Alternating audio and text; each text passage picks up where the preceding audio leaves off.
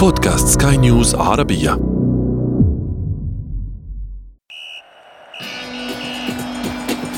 أثير الكرة.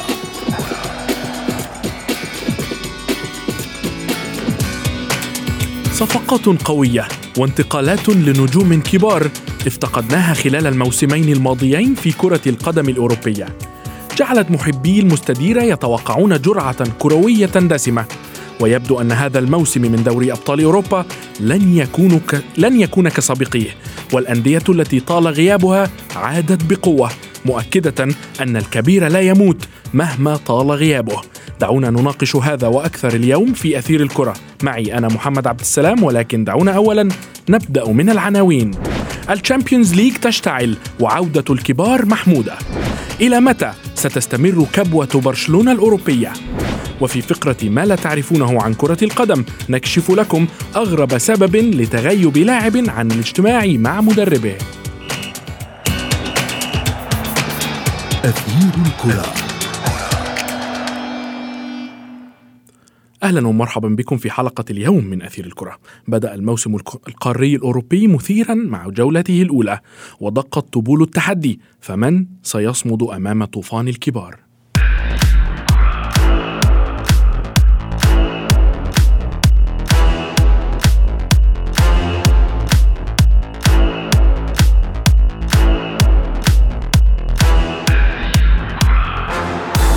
انتهت مباريات الجولة الأولى من دور المجموعات لل Champions League بنتائج كبيرة وأهداف غزيرة بالإضافة إلى أداء مميز ومتعة كبيرة قدمتها الأندية الكبيرة خلال مواجهتها.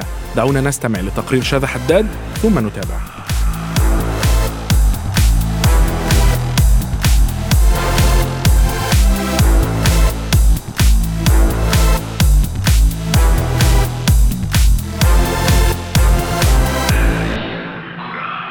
من سيكون في موقف لا يحسد عليه؟ كيف سيكون أداء ميسي بقميص باريس سان جيرمان؟ أين صلاح من نجوم القارة العجوز؟ وهل اتخذ رونالدو القرار السليم بالعودة إلى مانشستر يونايتد؟ أسئلة كثيرة تراود عشاق المستديرة بعد جولة مثيرة من دوري أبطال أوروبا نتائج مهمة وأخرى كارثية كانت عنوانا لانطلاقة أهم البطولات على صعيد الأندية الأوروبية ورغم أننا في البداية إلا أن تعطش الجماهير لما سيحدث بعد سوق انتقالات مجنون قد يجعل عنصر التشويق أكبر خصوصا بعد الصفعة الثانية التي تلقاها برشلونة الإسباني من ضيفه بايرن ميونخ الألماني بثلاثة أهداف نظيفة ليزرع النادي الكتالوني. الشكوك في نفوس جماهيره حول قدرته في التأهل لدور الثمانية عن مجموعة تضم أيضا دينامو كييف الروسي وبنفيكا البرتغالي. في المقابل بدأ ريال مدريد الإسباني رحلة القتال لاستعادة لقب بطولته المفضلة بفوز ثمين على صاحب الأرض والجمهور وبطل إيطاليا فريق إنتر ميلان. وتعادل أتلانتا مع فيا ريال بينما عوض يوفنتوس الحضور الإيطالي الباهت بالفوز على مالمو السويدي بثلاثية. وفي مفاجأة أخرى توقعت جماهير مانشستر يونايتد أن يقدم فريقها انطلاقة صاروخية في عصبة الأبطال خصوصا أنه يتسلح بعودة نجمه كريستيانو رونالدو بعد غياب دام 12 عاما وأنه يبدأ المنافسة أمام أقل الفرق حظا في المجموعة السادسة فريق يونغ بويز السويسري لكنه تلقى هزيمة بهدفين مقابل هدف وحيد الإثارة لم تتوقف هنا. فقد أفسد ليفربول الإنجليزي عودة ميلان الإيطالي إلى مصاف الكبار بعد غياب سبعة أعوام وتغلب عليه في أنفيلد بثلاثة أهداف لاثنين. في مباراة شهدت إضاعة محمد صلاح لركلة جزاء وتعويضها مباشرة بهدف التعديل. الأندية الإنجليزية الأخرى تمكنت من حفظ ماء وجهها. في افتتاح المنافسة حيث تغلب حامل اللقب فريق تشيلسي على زينت سان بيترسبورغ بهدف دبابته البشرية روميلو لوكاكو. وتفنن مانشستر سيتي بإكرام ضيفه لايبزيغ الألماني بستة أهداف مقابل ثلاثة ضمن المجموعة الأولى. هذه المجموعة تحظى أيضا باهتمام واسع من قبل جماهير Champions League كونها شهدت ظهور النجم الأرجنتيني ليونيل ميسي بقميص غير قميص برشلونة للمرة الأولى منذ خوضه لمنافسة الأبطال. وكان ليو على موعد مع تحقيق فوز أول لفريقه باريس سان جيرمان والمدجج بالنجوم لكنه اكتفى بالتعادل الإيجابي بهدف لمثله أمام كلوب بروج البلجيكي لتنشغل الصحف بالحديث عن مستوى ميسي في مباراته الأولى مع PSG والتشكيك بفاعلية MNM وهي الترسانة الهجومية الخاصة بالفريق الباريسي والمكونة من ميسي ونيمار ومبابي. البداية درامية لكنها أيضا مقلقة بالنسبة لبعض الجماهير التي تريد أن تتطلع للمواجهة المقبلة بعين من التفاؤل لا بقلق من مستوى فريقها أو نجومهم الجدد فهل أنت مع الحكم على الفريق في أولى مبارياته أم أن البداية المتعثرة هي حافز للنجاح بالنسبة إليك؟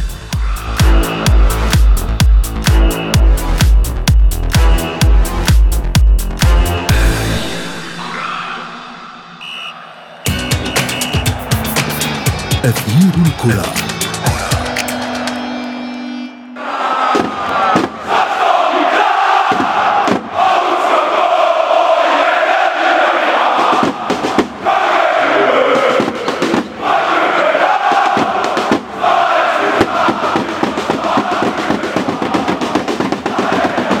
دوري أبطال أوروبا هذا الموسم مختلف. هذا ما أكدته البداية القوية لمبارياته. وهذه هي نتائج الصفقات القوية التي سبقته والأندية الكبرى كشرت عن أنيابها مبكرا على عكس برشلونة الإسباني الذي ما زال في دوامته الغيابات الغيابات والتأثير برح والتأثر برحيل ميسي. دعوني أرحب بضيفي الصحفيين الرياضيين يوسف الشاطر وأحمد مختار. يوسف دعني أبدأ معك يبدو أن الأندية الصغيرة ستشارك في المتعة هذا الموسم في ال Champions League. يونغ بويز يفوز على مانشستر يونايتد شيريف يفوز على شختار آه، كلوب بروج يتعادل مع باريس سان جيرمان الذي كان متسلحا بكل النجوم وعلى رأسهم ميسي. هل تعتقد أنها فقط حمى البدايات أم أننا آه، سنشاهد أحصنة سوداء غير متوقعة هذا الموسم؟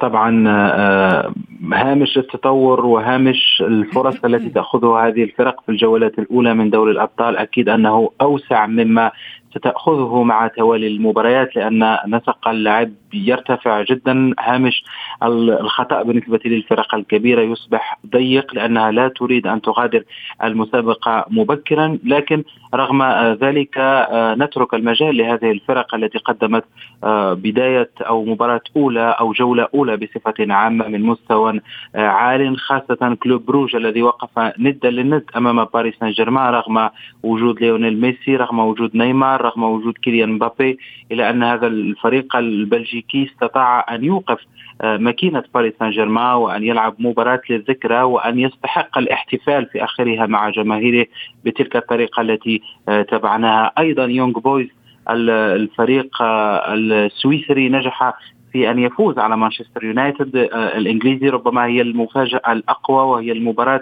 التي لفتت الانتباه في هذه الجولة الأولى. أكيد أيضا الفريق المولدوفي الذي يشارك للمرة الأولى في هذه الأدوار صنع الحدث بفوزه في المباراة الأولى على آه، آه، شختار فريق على فريق قوي. شختار لديه تقاليد في هذه المسابقة وكان أخرج في الدور الماضي آه، دينامو زغريب الكرواتي الذي يعتبر من الفرق المرجعية في تاريخ كرة القدم الأوروبية. ربما سيكون هناك هامش لهذه الفرق لكن يجب أن تؤكد خلال الجولة المقبلة من أجل أن يكون لها مكان ربما في دور ثمن النهائي. نعم أحمد آآ آآ نريد أن, أن نعرف هل باريس سان جيرمان الكثيرون يؤكدون أن مباراة كلوب بروج هي الأسهل كانت الأسهل له آه، في هذه المجموعة. بالتأكيد معه آه، مانشستر سيتي ولايبزيج الألماني. لايبزيج فريق آه، عنيد. فهل تعتقد أن مانشستر أن باريس سان جيرمان يمر بمرحلة ليست بالتي كان يريدها القائمون عليه؟ آه طبعا في البداية يعني مش عايزين نبخس حق آه كلوب بروج الفريق اللي هو فعليا عمل ماتش تكتيكي كبير فريق كان جريء بيلعب فريق بيلعب بضغط عالي فريق بيلعب بكل امكانيات الكرة الحديثة وبالتالي هو فعلا على الورق كان أضعف الفرق لكنه آه كان الأكثر اقناعا على الأقل بين الرباعي على مستوى الخطط والتكتيكات والضغط العالي في أول مباراة. بالنسبة لباريس سان جيرمان أظن إن البداية بتاعتهم سيئة فعليا لكن أنا بالنسبة لي متوقعة يمكن ناس كتير هتخالفني أو تت يعني تتفاجئ من كلامي لكن فعليا فريق باريس سان جيرمان يفتقد إلى عنصر رئيسي في نجاح الفرق وهو الانسجام والتناغم. آه، ميسي حتى هذه اللحظة يعتبر ده أول مباراة يلعب فيها اساسيا. ميسي آه، يعني عمل تدريبات مع منتخب الأرجنتين منذ بداية الموسم. أكثر مما عملها مع باريس سان جيرمان نيمار أيضا لعب في تصفيات أمريكا الجنوبية مع المنتخب من فترة سابقة.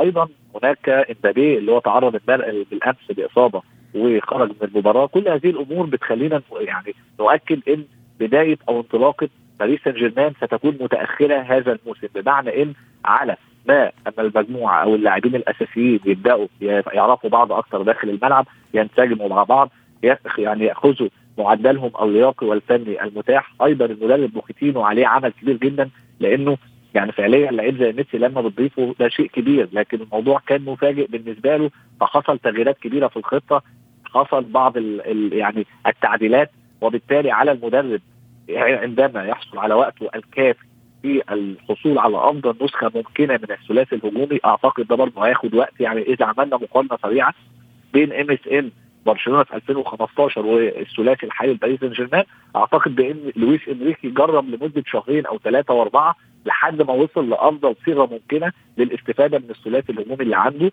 أنا مش بقول إن بوتشيتينو هياخد نفس الفترة لكن أكيد أكيد مش في أسبوعين أو يومين أو ثلاث أسابيع أو شهر هنوصل لافضل فورمه من باريس سان جيرمان فقط هم لديهم صراع مع الوقت. نعم أحمد ولكن ألا تعتقد أنهم أخذوا الوقت الكافي خلال مباريات الدوري الفرنسي؟ آه، الدوري الفرنسي ليس مقياس بكل صراحة مع كامل احترامه. نعم نعم بالتأكيد ولكن أنا أتحدث عن الانسجام والتناغم بين اللاعبين. لا أعتقد لأن ميسي على سبيل المثال يعني ما كانش موجود تقريبا. يعني ميسي بالأمس هو أول مباراة يلعبها اساسيا مع باريس سان جيرمان اصابه امبابي أتصور بأن يعني الحصة التدريبية بالتأكيد هي بتزيد الانسجام لكن المباراة أو المباريات في الملعب مختلفة. لذلك أنا بشوف إن الحكم على فريق باريس سان جيرمان الحالي هيبتدي من أول نوفمبر على الأقل أو من بعد انتهاء فترة التوقف الجاية. وقتها ممكن نشوف باريس سان جيرمان بشكل حقيقي. لكن الأهم بالنسبة له بالتأكيد إنه يفضل يحافظ على موقعه في مجموعته خاصة إنها مجموعة صعبة ومن ضمن فرق قوية زي مانشستر سيتي وزي لايبزيج بالتأكيد. نعم آآ آآ يوسف شاهدنا مانشستر سيتي بالأمس كشر عن انيابه أمام لايبزيج بستة أهداف هل هل تعتقد أن جوارديولا هذا الموسم لن يفرط في هذه البطولة؟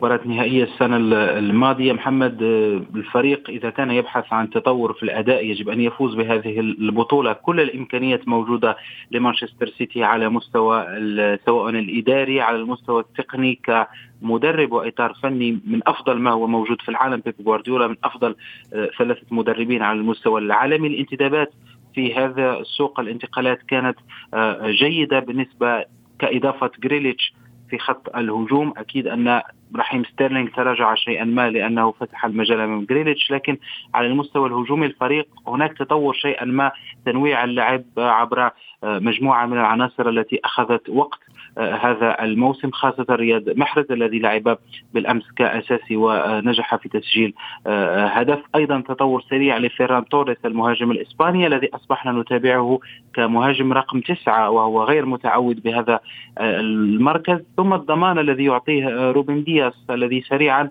أصبح قائد لهذا الفريق وأصبح يملك كلمة على مستوى ترتيب الخط الدفاع وأيضا إعطاء تعليمات لزملائه، أكيد أن مانشستر سيتي هو الوقت المناسب الآن للتتويج، لكن دائما كما نقول أن البطل يولد من البطولة ويجب أن ننتظر كثيرا لرؤية مانشستر سيتي. هل قادر على المواصلة على هذا النسق؟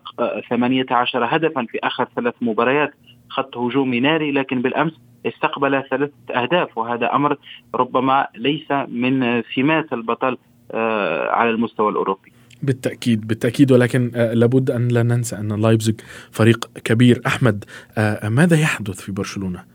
لم نشاهد أداء أو نتيجة؟ برأيي نعلم أنه كان يواجه بايرن ميونخ ولكن في المقابل ليس هذا برشلونة حتى أنه لم يسدد تسديدة واحدة على على مرمى آه، نوير.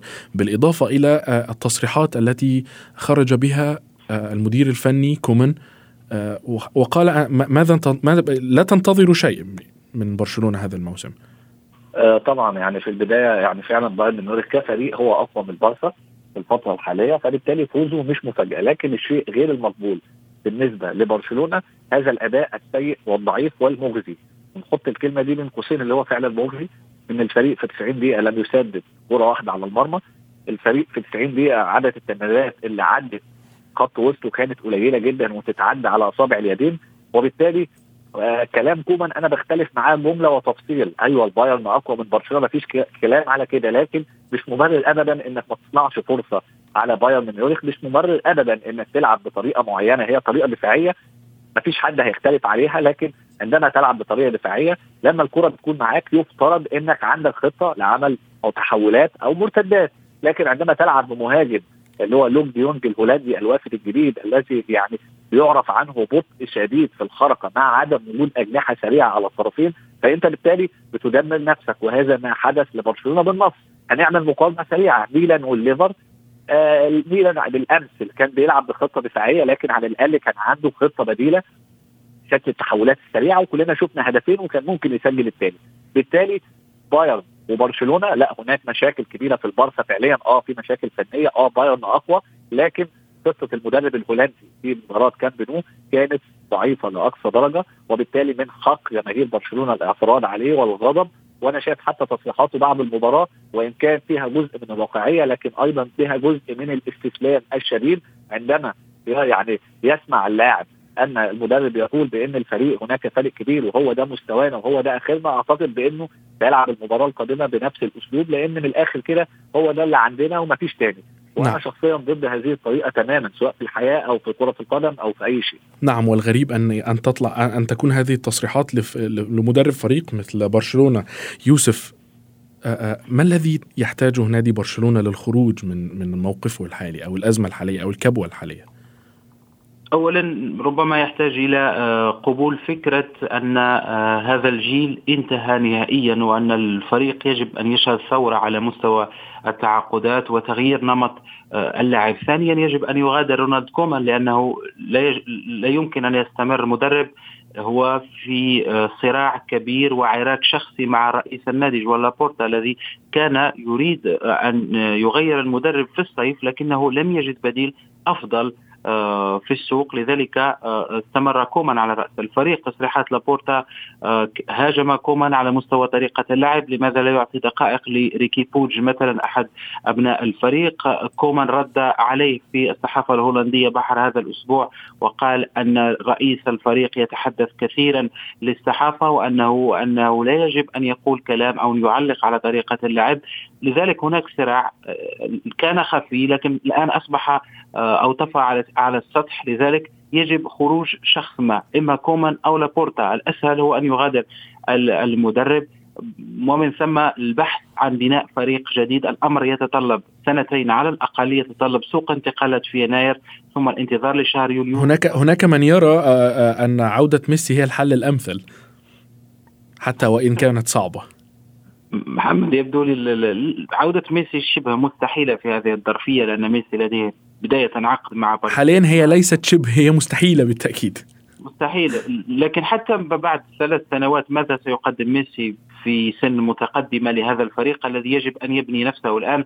آه، ربما ملاحظة فقط على طريقة اللعب. برشلونة ولد وصنع ليلعب بطريقة الاستحواذ على الكرة ولاعبو البارسا على مستوى التكوين. حتى الفيزيولوجي لا يستطيعون أن يجروا كثيرا بحثا عن الكرة لا في الالتحامات يخسرون الكرات الثنائية. لذلك البارسا يجب أن يلعب أسرع وأن يمرر الكرة سريعا ويتناقلها كما كان الحال مع بيب جوارديولا. بوسكيتس آه، آه، بيكي أيضا إيريك غارسيا الذي هو من مدرسة البارسا جوردي ألبا سيرجي روبرتو كلها أسماء على المستوى البدني لا تستطيع أن تنافس آه، ديفيس ديفيس الظهير الأيسر لبايرن ميونخ. شاهدناه لعب مباراة وكأنه يلعب مع أطفال صغار عندما يتعلق الأمر بالجري أو الركض أو الدخول في التحامات ثنائيه، الفارق كان شاسع على المستوى البدني قبل أن نصل لما هو تقني ربما وأكيد أن الجودة في في بايرن ميونخ أعلى كثيرا نعم. من برشلونة، الآن يجب أن ننتظر الوقت. وقال لابورتا بالأمس قال في تصريح على الصفحة الرسمية للبارسا قال أنه آه، ثقوا بنا وأعطونا الوقت. جماهير النادي الكتالوني يجب أن تنتظر محمد نعم وأيضا بمناسبة الأداء آه، الطريقة آه، الطريقة التي تعود عليها برشلونة هي ليست طريقة كومان أحمد سريعا وأخيرا هل تعتقد أن آه، شاهدنا إنتر ميلان وإي سي ميلان قدموا أداء رائع أمام ريال مدريد وليفربول رغم الخسارة، هل سنشاهد الأندية الإيطالية بقوة هذا الموسم في ال Champions League؟ آه والله هي بدايه فعلا جيدة لمعظم الأندية الإيطالية حتى اليوفي كسب بسهولة لكن لسه الأمر مبكرا خاصة إن الجولات الأولى دايما بيبقى فيها مرحلة من عدم التوقع الريتم البدني للفرق وحتى الفني آه لم يكن في القمة. بالتالي لسه لسه يعني فاضل وقت لكن علامات البوادر اللي أظهرها الميلان وحتى الإنتر اللي هو خسر خسارة غير مستحقة بالمرة أمام ريال مدريد إذا كملوا بهذه الطريقة أعتقد بأن صعودهم للدور الدور الثاني هيبقى مسألة وقت وهي تعتبر بداية جيدة جدا للأندية الإيطالية عكس السنوات الماضية. نعم آه شكرا جزيلا لكما الصحفيين الرياضيين يوسف الشاطر وأحمد مختار.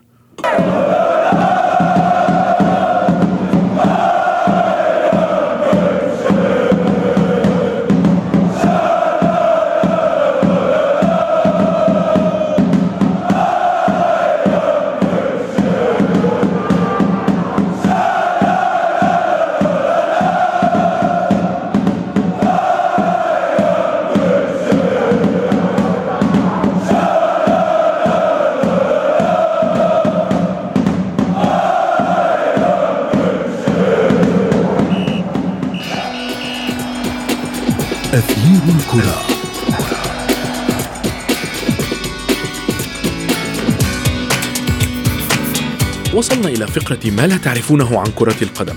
وفيها نكشف لكم من هو اللاعب الذي تجاهل موعد الاجتماع مع مدربه. والسبب وراء هذا التجاهل. أما اللاعب فهو الإيطالي ماريو بالوتيلي.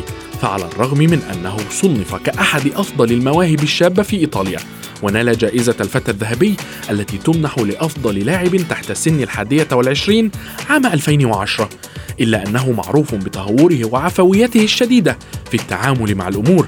هذا بالإضافة لكونه من الشخصيات المشاغبة مثيرة المشاكل خارج وداخل أرضية الميدان.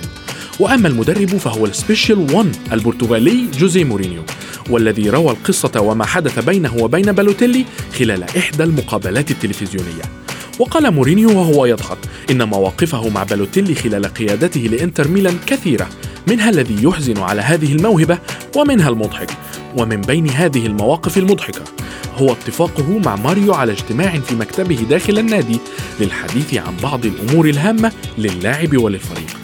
وأضاف السبيشال 1 والذي يقود نادي روما الإيطالي حاليا أنه انتظر بالوتيلي لفترة من الوقت لكنه لم يأتي والأدهى أنه عندما سأل اللاعبين عنه قالوا إنه ذهب لمشاهدة سباق جائزة إيطاليا الكبرى للفورمولا 1 حينها استشاط مورينيو غضبا وعندما جاء بالوتيلي إلى النادي سأله عن سبب تغيبه عن الاجتماع الذي اتفقا عليه. فجاء رد السوبر ماريو تلقائي وحول مورينيو من قمة الغضب إلى قمة الضحك حيث قال بالوتيلي كل يوم نستطيع أن نجتمع في مكتبك لكن سباق جائزة إيطاليا الكبرى للفورمولا 1 يحدث مرة واحدة فقط في العام. بهذا مستمعينا نكون قد وصلنا وإياكم إلى صافرة النهاية من حلقة اليوم. انتظرونا في حلقات جديدة قادمة. كنت معكم أنا محمد عبد السلام. إلى اللقاء.